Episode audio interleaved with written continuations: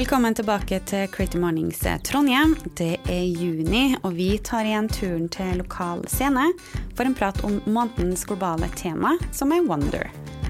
Mitt navn er Katrine Wiik Pedersen, og denne gangen har jeg invitert Christian Falk, produsent og partner i Up North Film. Han har jobba med filmproduksjon i mer enn 15 år, og Christian han er en eventyrlysten og vitbegjærlig mann og nysgjerrighet det har ført den inn eh, med kamera på steder der et kamera aldri har vært før. Som dokumentarfilmskaper drives Christian av nettopp det med undring og en sense of wonder. Så det er med stor glede jeg nå tar deg med på en reise inn i Christian sin finurlige verden. Underveis får du høre små lydklipp fra filmene vi snakker om, og trailerne vi refererer til, finner du i sin helhet bl.a. på upnorthfilm.no.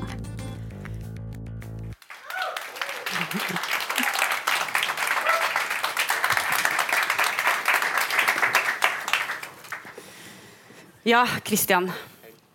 Her er vi. Du, vi skal snakke litt om eh, dokumentarfilm eh, og historiefortelling. Eh, du har veldig mange spennende prosjekter på merittlista som vi gleder oss til å høre mer om. Men før vi går inn på, på fag, så har jeg gjort litt eh, research. Snakka med noen av dine nærmeste.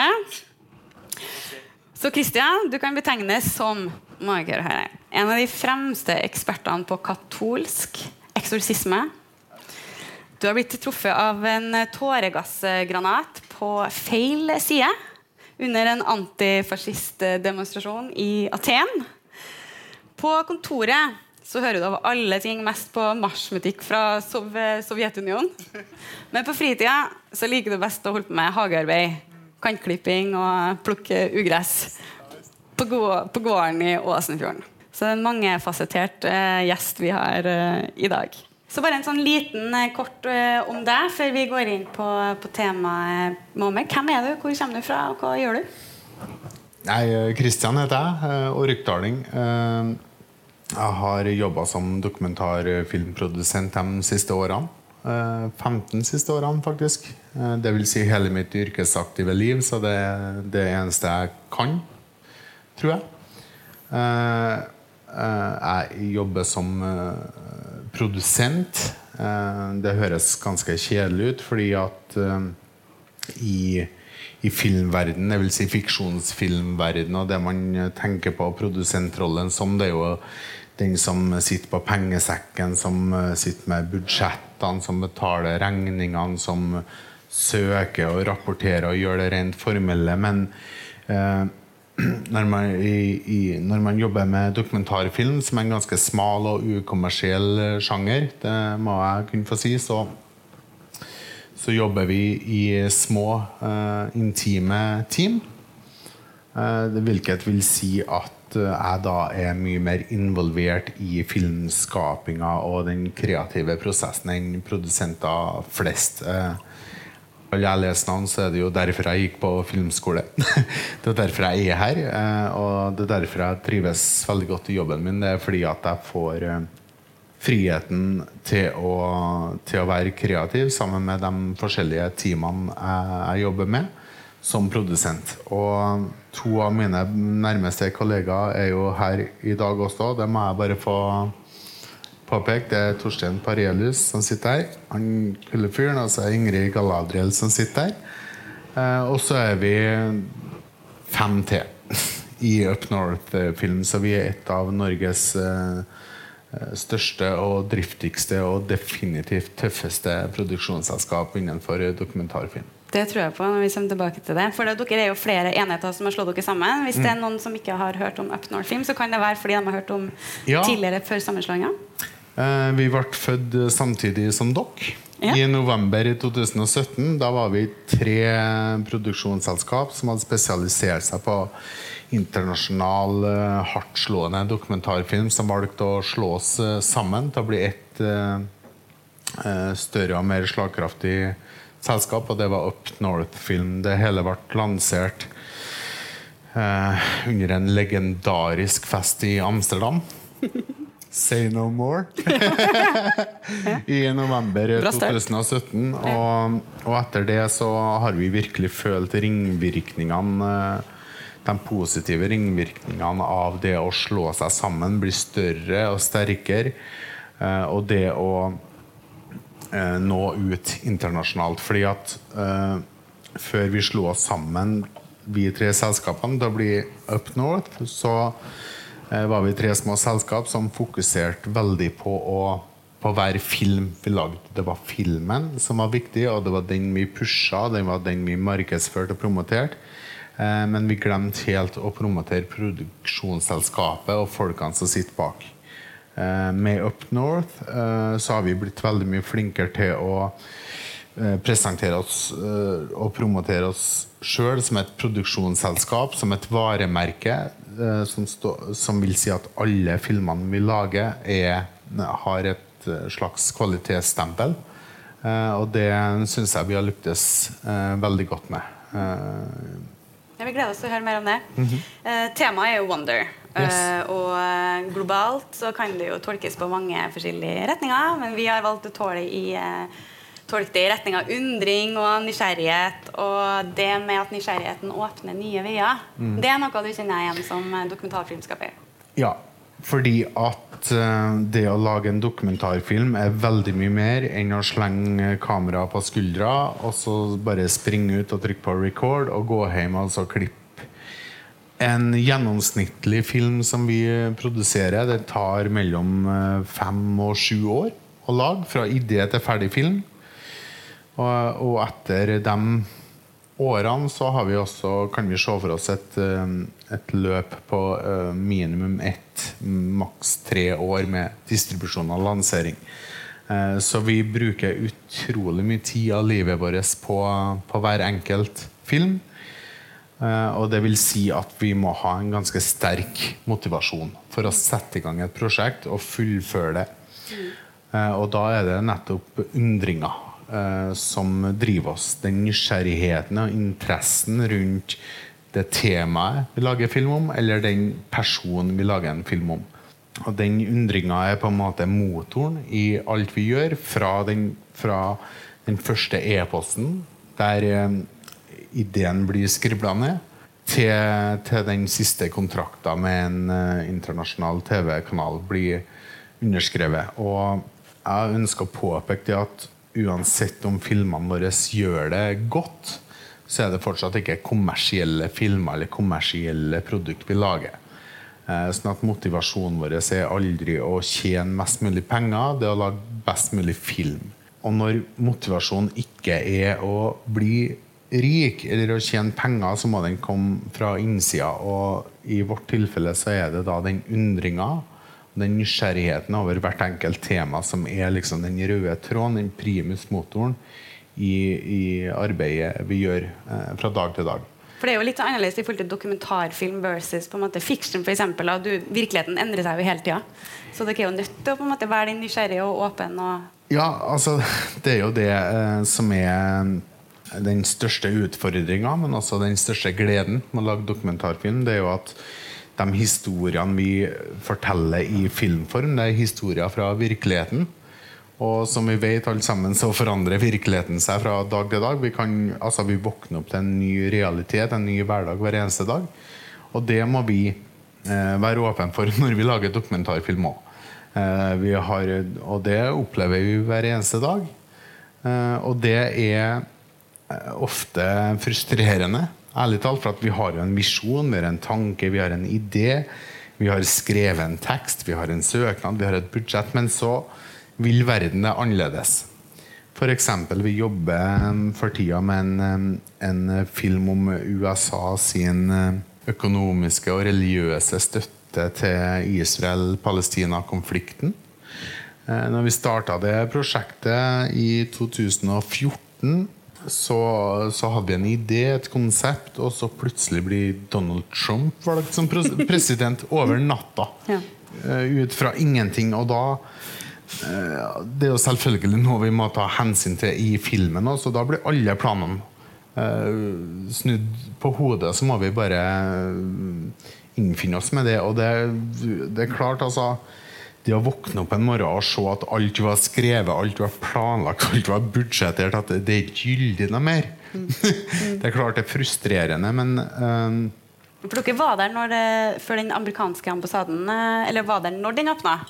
Ja. Ja, var eh, Jerusalem. ja, altså Et av de mest symbolske grepene Donald Trump har gjort, er jo å flytte den amerikanske ambassaden fra Tel Aviv til Jerusalem, som har en stor symbolsk effekt på USA sitt eh, religiøse, spirituelle ståsted i forhold til eh, Israel-politikken. Og da eh, Og det, det ble plutselig en viktig del av filmen vår. Og da var vi så heldige at vi hadde vært forutseende der. Og vi hadde et kamerateam klar på bakken i Jerusalem som kunne dekke begivenhetene der og da. Eh, For det ble jo opptøyer, og det ble jo tilløp til ny intifada og i det hele tatt. Eh, Men, eh, og det skjedde, så vidt jeg husker, i romjula eller noe sånt. Og eh, det er nå nok en gang dokumentarfilmskaperens eh, svøpe at eh, det er ikke noe som heter romjul eller helligdag eller helg eller kveld eller hva det skal være. Eh, Da måtte vi bare hive oss eh, rundt, og så fikk vi dekt eh, det som skjedde i Jerusalem når, når Trump flytta ambassaden. Eh, og da er det klart at det er også nysgjerrigheten og undringa som driver oss der. Og hva skjer eh, i Israel? Hva skjer med Midtøsten-politikken? Hva skjer med eh, hele det internasjonale politiske bildet når ei supermakt som USA velger å, å gå til det steget? Eh, vi er alltid nysgjerrig, vi er alltid eh, på vakt, og vi må ha et veldig åpent sinn i forhold til hvordan filmen vår eh, skal bli til slutt. Og, og det er, som jeg sa, veldig utfordrende, fordi vi har ikke et gitt manus å forholde oss til. Vi, vi må forholde oss til hverdagen, og da eh, da betyr det at vi må kaste om på ideer, vi må kaste om på eh, konsepter av det, eh, i det hele tatt. Men før vi tar på en måte det, For det er en veldig spennende historie. Og tenkte vi skal snakke litt om foreløpig veien videre. Så tenkte jeg det kunne være litt gøy å vise dem litt i forhold til ta et steg tilbake og snakke om en av filmene fra 2016. Ja. Black Hearts. Ja. Der har vi en liten snuttevis. Fortell kort om den før vi starter. Black Hearts uh, starta også med en undring. Eh, Black Hearts er en dokumentarfilm om eh, folk som er lidenskapelige fans av norsk black metal. Svart metal. Jeg har møtt en del av dem eh, i mitt liv, og har alltid undra meg over hva er det som er så fascinerende med den musikken og Norge, da, som er liksom opphavslandet. Hva er det som er så fascinerende for folk fra andre deler av verden? For Der er tre stykker dere følger? Tre svartmetallfans. Ja. Ja, så vi fant eh, til slutt tre ekstremt lidenskapelige svart, svartmetallfans. En i Colombia, en i Hellas og en i Iran. Som alle hadde lagt opp livsfilosofien sin, livsløpet sitt. De hadde lagt, altså alt i deres liv handla om og dreide seg rundt norsk black metal og all mytologien rundt det. This is a truly freezing place, man. And it's fucking fantastic. Now that's what I'm talking about.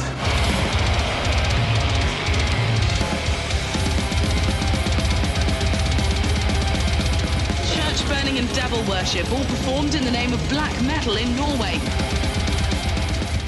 Where you can get easy inspiration for amazing music. Not like this, but Ella. Jeg elsker det siste klippet. her. Jeg har sett det mange ganger hver eneste gang.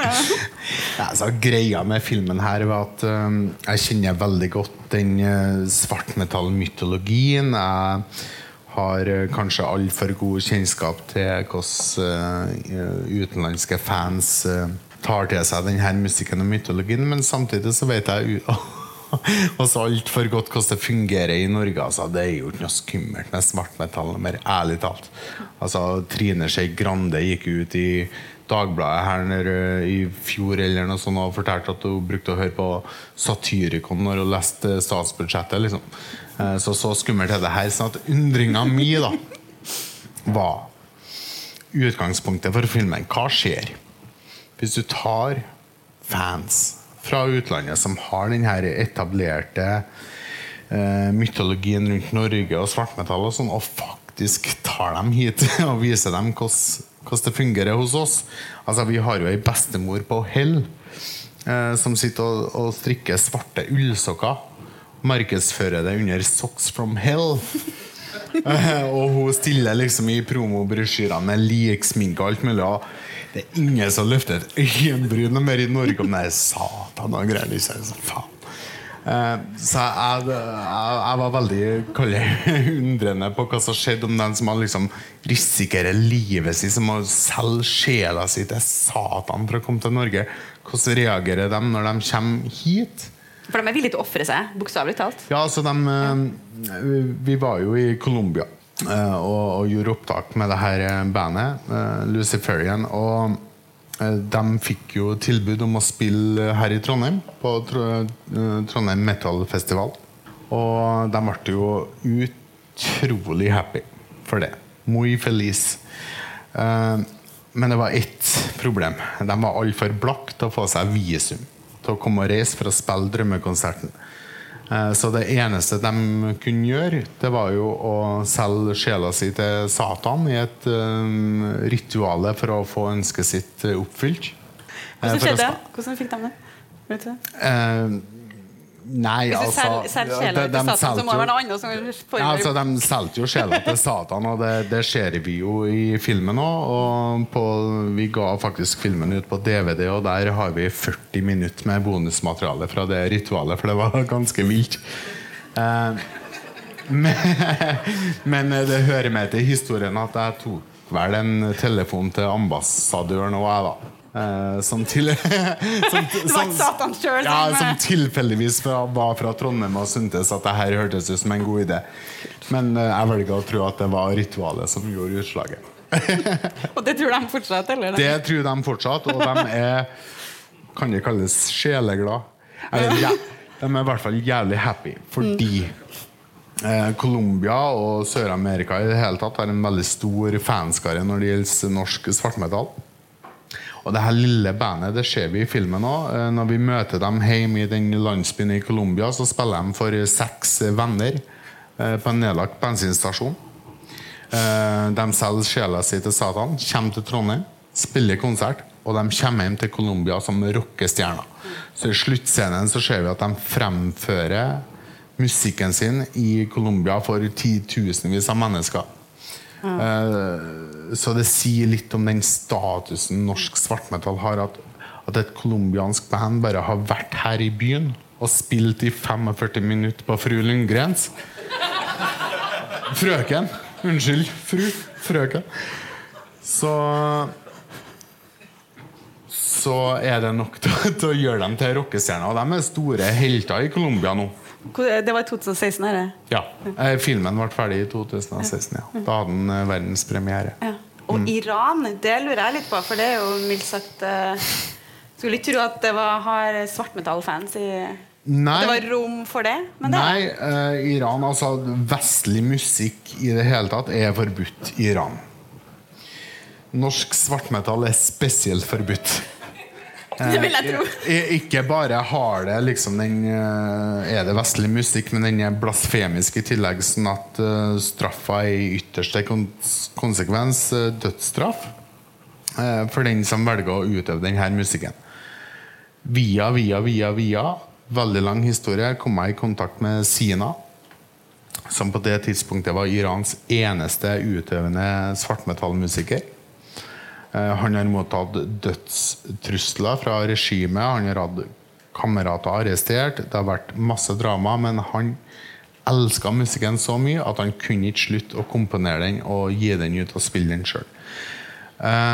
Så han valgte ja til å stille opp i filmen. Eh, Og det var det å få gjort opptak med han i Iran til den filmen her, det var tilnærma som en eh, Det var nesten som, eh, som en James Bond-film. eh, det må jeg si. Eh, vi fikk veldig god hjelp. I forhold til hemmelighetsholdet, tenker på. ja, ikke sant? Fordi vi hadde jo både hans, eller særlig hans, og vår egen sikkerhet å tenke på. Alt måtte gå under radaren, og det er ganske vanskelig i Iran.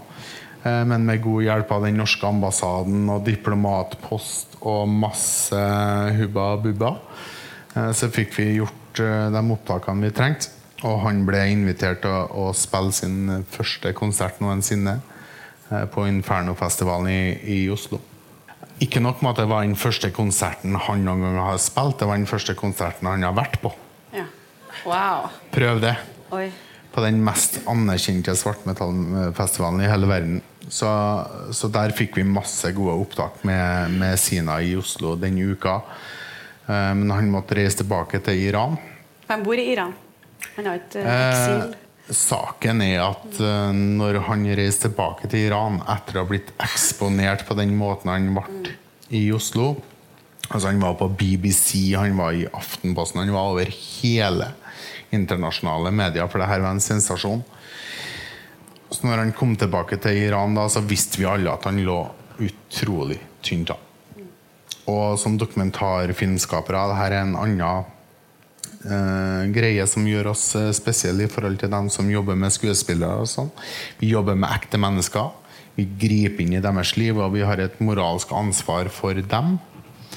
Eh, og jeg var mildt sagt bekymra for Sina, så det jeg gjorde, var å ansette han i Up North. Oh, ja.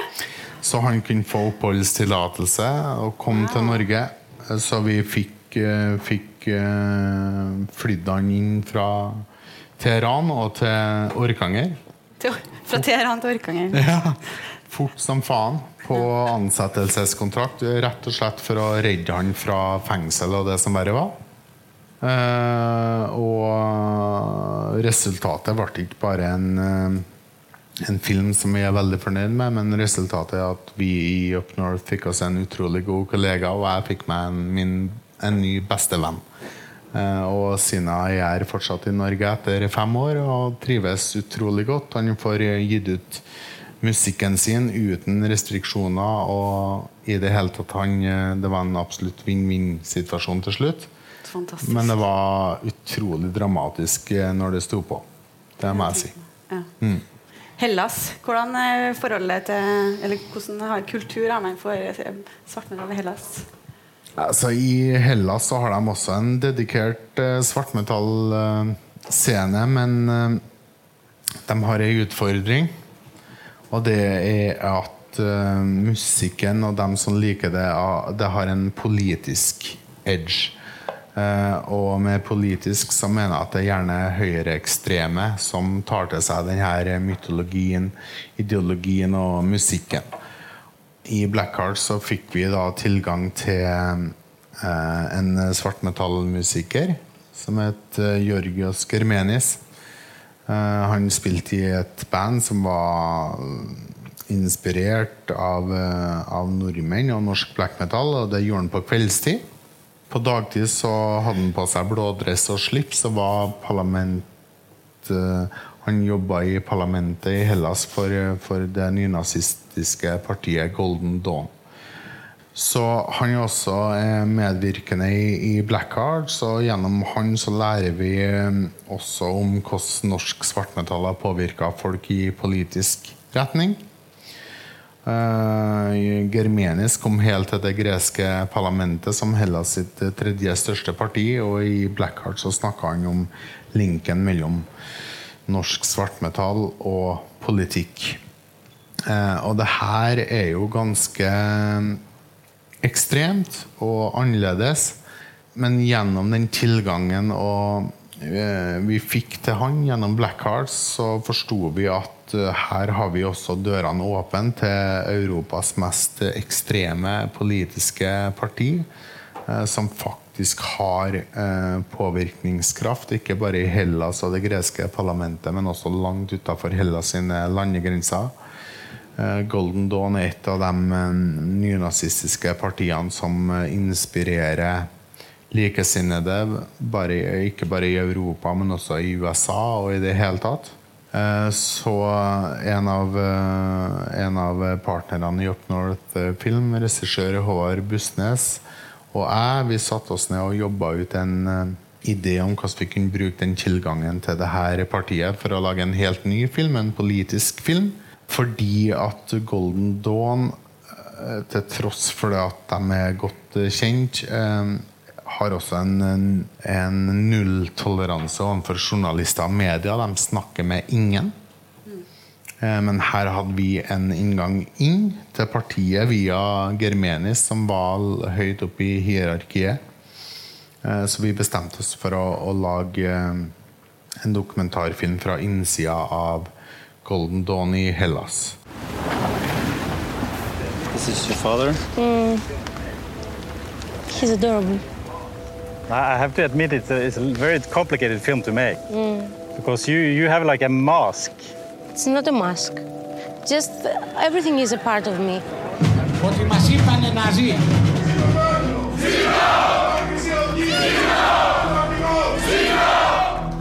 So listen to me. Yeah. This is the last time we talk about the past. Okay, we don't uh, need to take volume each time you come. no, no, I'm telling you, it's the last time we talk about the past. That's it. Og den filmen her den heter 'Hatets vugge' på norsk. Yeah. Den har fått massiv eh, hva skal vi kalle det, eksponering. Den har vært vist på mer enn 60 filmfestivaler. Den har vært nominert til Gullruten. Den har gått på kino i både Norge, Spania og Hellas. NRK. Hvordan eh, Det gikk faktisk på Cinemateket uka her også, i forbindelse med Big Challenge. Hvordan respons har dere fått? Det er et ganske heavy tema. Du, Og da, eh, veldig dagsaktuelt, dessverre. Ja, dessverre. Når vi starta filmen her i 2013, så var høyreekstremisme i Europa et ganske sånn obskurt eh, fenomen. Det var ikke mange som løfta øyenbrynene av det, men når filmen var ferdig i sent i 2017, så hadde det blitt høyaktuelt. Ikke bare i, i Europa, men i, to, eh, men i USA også. Eh, Så først og fremst så har det i hvert fall lært oss hvor fort ei politisk eh, utvikling kan skje. Men eh, har vært utrolig god. Det må jeg si. Og det er vi glad for, fordi at det er en ganske provoserende film. Eh, det må jeg si, fordi eh, vi har jo kommet tett innpå de her eh, eh, La oss kalle dem ekstremistene. Og det er mange som har stilt spørsmålstegn ved at vi gir dem et talerør. At vi i det hele tatt lar dem snakke på TV, på festivaler, på kino og i det hele tatt. Men eh, filmen er gjort på en sånn måte at eh, vårt standpunkt kommer tydelig frem. Eh, vi, eh, vi er jo veldig glad for at den fikk god respons. Eh, det er jo på en måte det vi ikke lever av nødvendigvis, men lever for. Fordi at som dokumentarister så har vi et budskap, vi har en historie å fortelle, og det er noe vi ønsker at folk skal få med seg. Og det vi la i potten denne gangen, det var jo ganske mye. fordi at vi gikk jo det man kan kalle undercover med denne filmen. Vi kunne ikke fortelle de medvirkende hvilken film vi laga, hvem vi egentlig og hva agendaen vår var. For For det tenkte jeg litt på. Har de sett den sjøl? Altså, visste de underveis at det var, dere skulle lage dokumentarfilm? eller? Eh, de visste at vi skulle lage en dokumentarfilm, eh, men de fikk ikke se filmen før den var ferdig. Og da ble de gærne. Skikkelig òg. Selvfølgelig. Det ante meg. Det ante meg òg. men det var fortsatt verdt å ta risken. Eh, men da hadde vi jo uh, vært med dem og deres familier. Vi har vært en del av deres jobb og deres liv, privatliv, i over eh, fire år. Fått eh, tilgang altså, fra parlamentet i Aten til soverommene deres. Og Eh, vi- vi risikerte ganske mye med å lage denne eh, filmen. Eh, vi risikerte vår eh, egen eh, sikkerhet. Eh, Golden Dawn er jo et eh, parti som er eh, kjent for å gå til fysisk angrep mot eh, journalister i hele tatt. Men eh, vi følte nok at det, det budskapet vårt var verdt den risken vi tok. da, Og jeg sitter her fortsatt, så, så du trenger ikke å spørre om det går bra. Men, eh, men eh, Men eh, det var Vi opplevde mange situasjoner da og i ettertid som selvfølgelig har vært uh, ubehagelig, men, uh, men uh, vi er veldig fornøyd med at filmen har blitt godt mottatt og, og, brukt på den måten som vi håpa på. Da. Mm. Det har vi. Så Og nøkkelen til den filmen her, og nøkkelen til all god dokumentarfilm, det er jo nettopp det her med undring, som er kveldens tema. Og Eh, det er derfor vi får eh, den tilgangen vi får til, til, de menneskene vi lager film om. Det er fordi vi er genuint, genuint undrende. Eh, sånn at i stedet for å liksom stille dem til veggs nødvendigvis med kritiske spørsmål hele tida, så er vi heller interessert, undrende og lyttende. Eh, fordi vi opplever det at hvis folk får snakke om seg sjøl, altså hvis, hvis, de får snakke uten å bli stilt til veggs, hvis vi bare undrer oss over hvem de er, hva de tenker, hva de gjør, og hvorfor, eh, så er det utrolig hvor langt man eh, kommer. Mm. Og det er på en måte forretningshemmeligheten vår da, som dokumentarister. Det er å, å få tilgang. Og undring og, og, nysgjerrighet er nøkkelen til å få god tilgang. Man trenger ikke å være enig, man trenger ikke å være en del, men, men man må være øh, undrende. For Du sa jo det at det handler om å stille mange spørsmål, men ikke mm. nødvendigvis som, altså, gi så mange svar? Altså Åpne litt for debatten og sette litt uh, Ja, altså eh, det er mange som tenker at en dokumentarfilm skal gi svar på alt. Ikke sant? Man ser en dokumentarfilm, man lærer og man forstår, og så har man svarene. Men vi, vi tenker ofte litt annerledes. Vi ønsker å lage dokumentarfilmer som uh, som stiller de store spørsmålene og lar svarene bli hengende litt i lufta. Eh, for å skape en debatt, for å få folk til å tenke sjøl. Eh, og i det hele tatt. Og det er også en del av filosofien. for at jeg, eh, Hvis man går i seg sjøl, hvis jeg tenker for, mitt eget vedkommende, så faen eller hvor mange dokumentarfilmer er det egentlig som har forandra meg? Og mitt syn på ting det er utrolig få. Jeg kommer på bare ett eksempel. På en dokumentarfilm som har snudd opp ned på mitt virkelighetsbilde. Sånn at jeg på en måte personlig gitt opp den illusjonen om at én film kan forandre hvert enkelt menneske. Men eh, jeg ønsker heller at en film skal åpne sinnet til folk og få folk til å tenke. Og kanskje prøve å finne svarene sjøl, uten at vi skal trø våre svar ned i halsen eh, på, på, publikum. Og det tror jeg også er nøkkelen på en god film. Å utfordre publikum til å la dem gjøre opp eh, sine egne meninger. Tenk sjøl, bli nysgjerrig, bli undrende. I stedet for å føle at man får liksom en sånn skoletime med alle uh, fasitsvarene. Mm. Og samtidig så er denne åpenheten, denne undringa, nysgjerrigheten, nøkkelen til å få uh, folk til å åpne seg foran kamera. Altså vi, vi går Altså vi, vi jobber aldri med tematikk eller filmer som som ikke er genuint undrende over sjøl. Og undringen er noe som er vedvarende. Og etter å honge fire år med nynazister i Hellas, så er jeg kanskje mer undrende nå enn jeg var i starten. Mm. Altså, det, det, skaper bare mer spørsmål enn, enn svar eh, for min del. Og det, eh, det syns jeg er en veldig sånn, inspirerende og, og, kreativ eh, prosess, egentlig. Mm.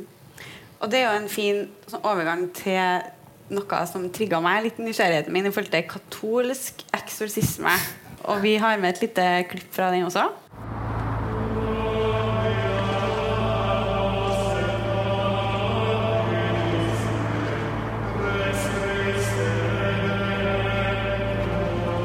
The words in the Bible about the confrontation against demonical forces we are witness today in this world, in this 21st century.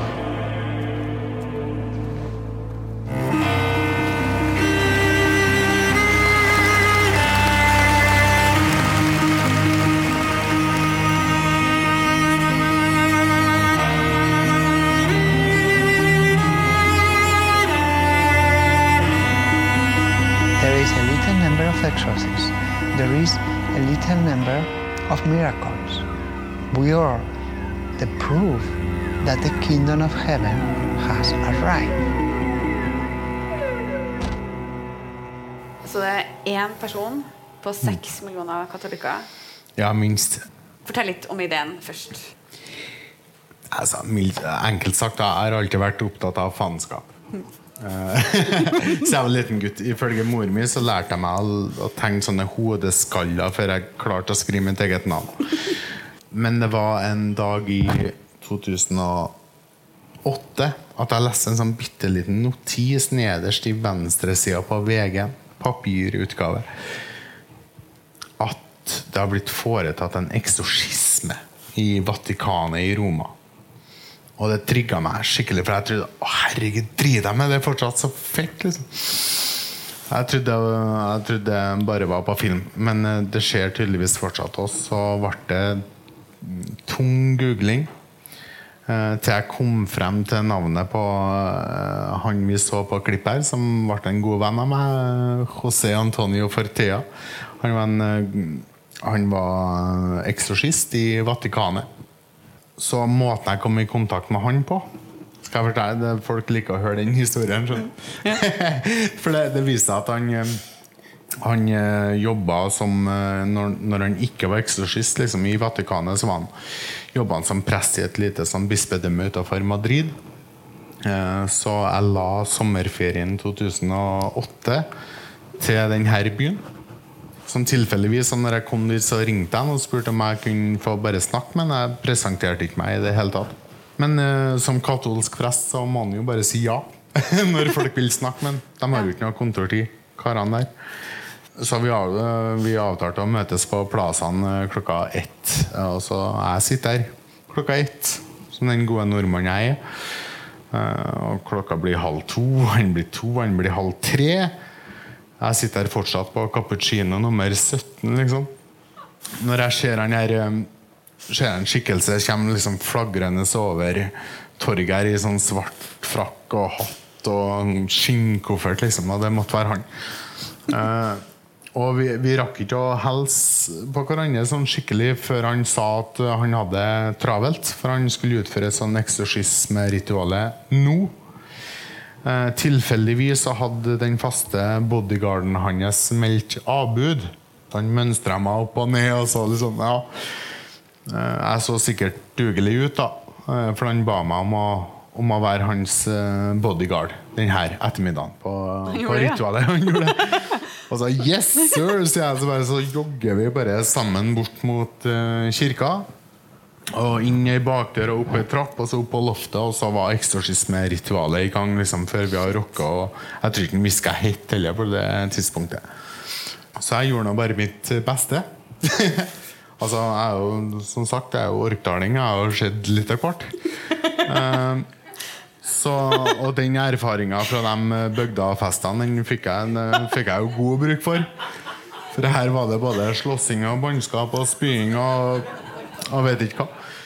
Eh, men tydeligvis altså, gjorde jeg, gjorde jeg en god jobb, så jeg ble invitert tilbake mo morgenen etter. Og ettermiddagen etter, og plutselig så hadde jeg brukt hele ferieuka mi på å være assistent for den her eksorsisten. Eh, Men han var så travel med, med det han skulle gjøre, altså drive ut demoner. Så eh, vi fikk liksom aldri snakka ordentlig sammen. Så det var bare Men siste kvelden før flyet mitt hjem, så måtte jeg bare liksom ta mot til meg og, og, og si hvem jeg var, og hvorfor jeg var der. Eh, og da presenterte jeg meg sjøl som Christian fra Trøndelag og Norway. Og jeg sa at jeg hadde liksom eh, ja, jobba med dokumentar, og det her var spennende. Og er det mulig å eh, kanskje samarbeide med deg om et eller annet? Og da sa han ja. Eh, og da var showet i gang. Uh, og så plutselig så sender han meg en e-post der det står bare 'Meet me at the airport in Asunción, Paraguay on December 9th'. God bless you. Og så ok. Og så svarte jeg liksom Hei, man, what's up?' og greier. Fikk ikke noe svar. Nei, fikk, fikk ikke noe svar. Så men ok, da booker vi flybillett til Paraguay. Fikk ikke svar? Nei, jeg fikk ikke svar. Eh, til det, så, så jeg sto nå på flyplassen i Assunciona den 9. desember. Og der var han. Uh, og vi eh, delte uh, hotellrom sammen i tre uker. Faktisk. Og, ja. Ikke noe dirty thoughts, please. Eh, så vi ble veldig godt eh, kjent, da. Ja, det kan jeg tenke meg. Og fire år senere så, så hadde vi den eh, filmen her, da, der vi som første kamera, første og eneste, og hittil siste kamerateam i, eneste, i hele verden har fått unik tilgang til en Vatikan-ekstorsist. Og, og det, handler om, ja, men det handler om undring, for at jeg lurer faen meg på hva han driver på med. Altså. Og hva han tenker, og hva, hva, hva, greia er. Så jeg, jeg bobler fortsatt over av spørsmål. Har han sittet her i dag, så har vi kommet til å prate hele natta. Jeg lover deg. Men jeg bare spurte og spurte, og han fikk snakke, og vi fikk en sånn god dynamikk. Jeg var helt åpen og ærlig på hvem jeg var, og hva jeg trodde, og hvor lite katolikk det kom til å bli. Og, men, men det var greit, fordi jeg var undrende. Jeg, var, jeg, jeg ville bare vite mer om han. Jeg ga han en anledning til å snakke og, og forklare. Uh, og det uh, Det kom vi veldig langt med, og det her er vel filmen som ga oss uh, som filmskapere la, la, la oss kalle det internasjonale gjennombruddet. Da, for at den filmen den eksploderte jo. Vi la jo bare traileren ut på YouTube før vi skulle ta påskeferie. Eh, og tenkte at nå skal det bli godt å slappe av. Men det skjedde ikke, for den traileren ble snappa opp over hele verden. Jeg satt og snakka i telefon eh, hele påskeuka med journalister fra hele verden. Fra Ghana til Hongkong til, til vet ikke hva. Og øh, det var på en måte startskuddet for det som nå har blitt liksom eh, firmaet og forretningsideen av det med å lage eh, store internasjonale filmer eh, fra med fokus på å få kamera inn på plasser og steder, møte mennesker der kamera aldri før har vært. Mm. Hvordan eh, Visste du mye om det på, fra, fra før? Altså, hadde du noe av eh, altså, Eksorsisme? Ja, Jeg har vært med på mye jævelskap, da.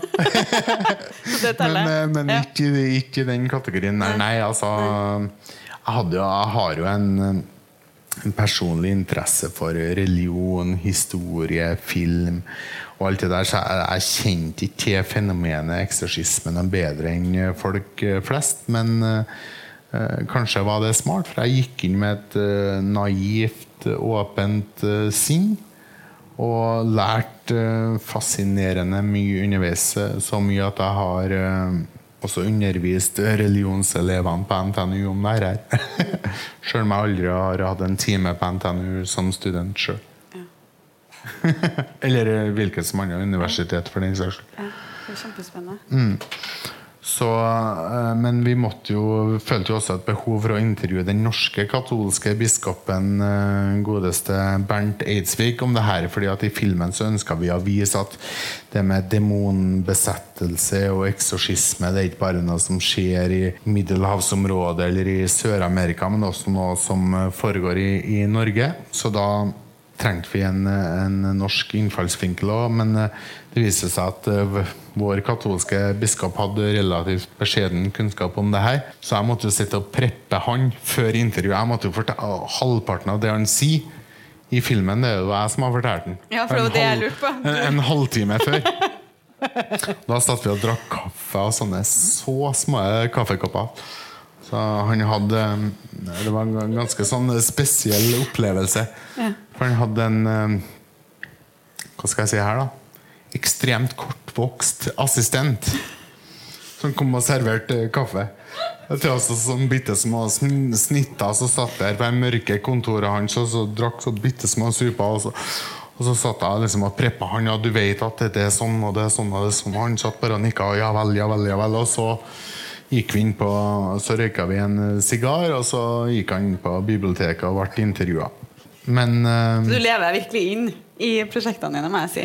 ja, absolutt. Det er jo med, hud og hår. Det er det med hud og hår. Fordi at eh, som sagt, vi jobber ikke med skuespillere. Det her er ekte mennesker med overbevisninger som, som lever i sin verden og med sitt virkelighetsbilde, og det, det må vi bare ta, ta hensyn til. Eh, selvfølgelig, og det er jo det som gjør det interessant for oss òg, da. Det er det, så eh, jeg får jo fortsatt julekort av Vatikanet. Vet du. Eh, fordi vi har vært der så mye. Ja. Og fordi jeg mistenker at eh, Prøver de å Jeg tror ikke de er så flinke på å Google. For Hvis de har googla meg, så har de funnet ut at for å finansiere den Black Hearts-filmen jeg snakka om, så måtte jeg selge sjela mi til Satan. Ja, Eh, I en også. crowdfunding-kampanje. Det kosta fem dollar per aksje.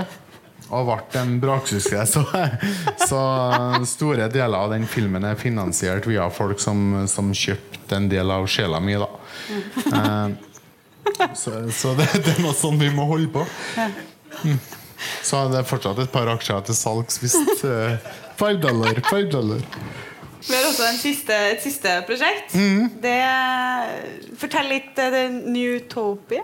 Ja, Ja. Det, det er den siste filmen vi har ferdigstilt. Og regissøren og en av hovedkarakterene Han sitter her i dag. Eh, Det er Audun Amundsen. Audun eh, hadde absolutt alt av det som jeg snakka om i dag, når han kom til oss med, med prosjektet sitt. Han hadde tilgang til karakterer, til, til steder der kamera sjelden har vært, og han hadde i all alminnelighet en kjempestor undring over tematikken han eh, lager film om. Eh, Audun har bodd med en eh, stamme urbefolkning på øya Mentawai utenfor Indonesia. Og i motsetning til andre dokumentarskapere, sånn som meg, som flyr hjem og til og fra opptak, og sånn, så har han Audun bodd med dem han har lagd film om, i mange år. This is the shaman Amampaksa. I met him in the deepest jungle of Indonesia. I was an adventurous and naive backpacker with a one way ticket to document the pristine life in the jungle. Udin, ini sudah masak ini. But reality was far from the paradise I had envisioned. I have followed my friend Amampaksa for 15 years. His search for a better life has led him to the advantages and pitfalls of modernization.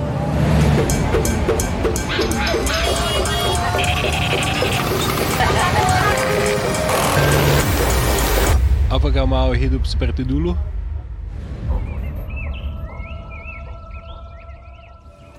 Det er mildt sagt eh, stor avstand eh, mellom eh, prosjektene deres.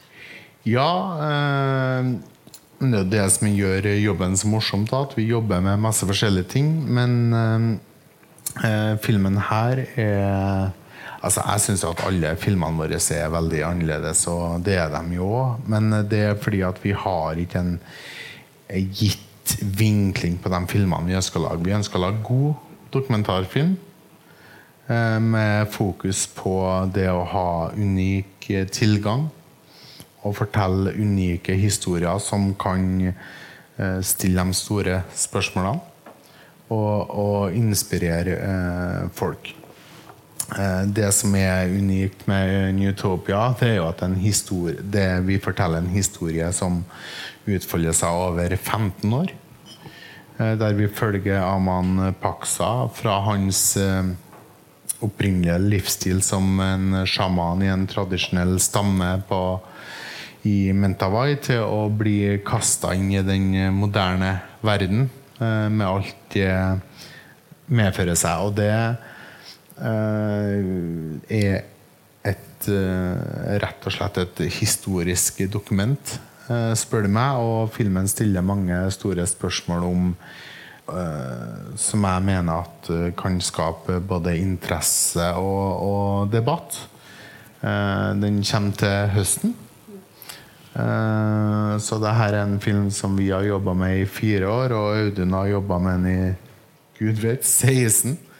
Et halvt liv. Men det er også det som gjør den unikt, at vi får, vi får følge en historie som, er, som går over så mange år.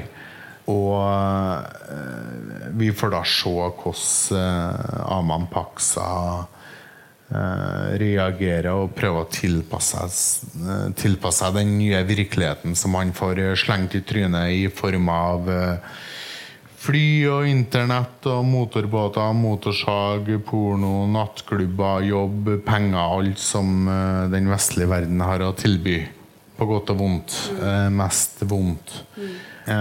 vi håper at filmen skal eh, både underhold fordi at for en gangs skyld så er ikke en sånn trist film om den stakkars urbefolkninga. Vi har prøvd å løfte historien opp på et mer menneskelig plan. Og det syns jeg Audun har lyktes veldig godt med, nettopp fordi han har kommet så tett på Aman Paksa. Altså, de er jo ikke de er, altså, Audun ble jo adoptert eh, som en sønn og som en venn og har gått langt utafor eh, alle jobbinstrukser, mm. skal vi kalle det. Eh, Men det er jo nettopp det som gjør filmen så unik, og den tilgangen og den dynamikken mellom Audun bak eh, kamera og Aman seg foran. Altså Den dynamikken har gjort den så eh, unik. Da. Så her har vi faktisk eh, en film som dokumenterer hva som skjer når et menneske fra en relativt eh, ubes, eh, Altså en tilværelse som er ubesmitta verden omkring. Hva som skjer når, når de får alt det vi har skapt og tro på, i, i fanget. da Eh, Så det er en eh, veldig underholdende, men samtidig tankevekkende film som vi gleder oss veldig til å lansere til høsten. Jeg har ikke lov til å si hvor, men uh, det blir fett. Ja. Mm. Det gleder vi oss til. Så klart. Da er sånn kort før vi runder litt sånn kort om hva er pipeline, eh, hva er veien videre nå. Du, du på privaten har jo litt sånn eh, rett foran deg nå. Skal tie the knot. Ja. Uh, sommerferie er jo én ting, men Ja. det som jeg ennå liker, er at jeg skal gifte meg i Ja. september. Uh, nei, det er mye som skjer. Altså, hjelpe meg. Jeg skal prøve å få meg søvn eh, om natta.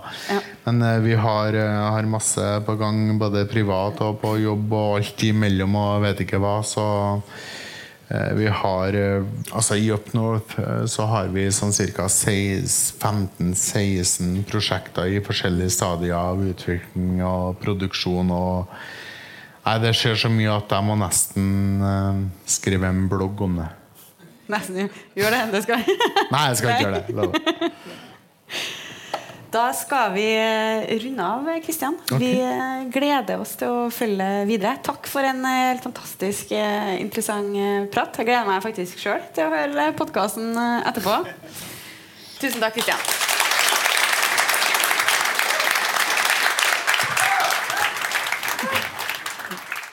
Du hørte klipp fra Black Hearts og Golden Dawn Girls, eller Hattets vugge, som de heter på norsk. Og De kan du se i sin helhet på Vimeo. The Exorcist in the 21st Century den ligger på Netflix. Og en eksklusiv liten snutt fikk du her fra den kommende filmen Newtopia. Den kommer til høsten, og du kan holde deg oppdatert på Facebook-sida til Up North for eh, info og premieredato. Podkasten er produsert av Lydsporet Media. En stor takk til Snorre Busch. Creative Mornings globalt presenteres i samarbeid med Adobe, Mailchimp og Wordpress.com. Mitt navn er Katrine Wiik Pedersen. Vi høres i juli.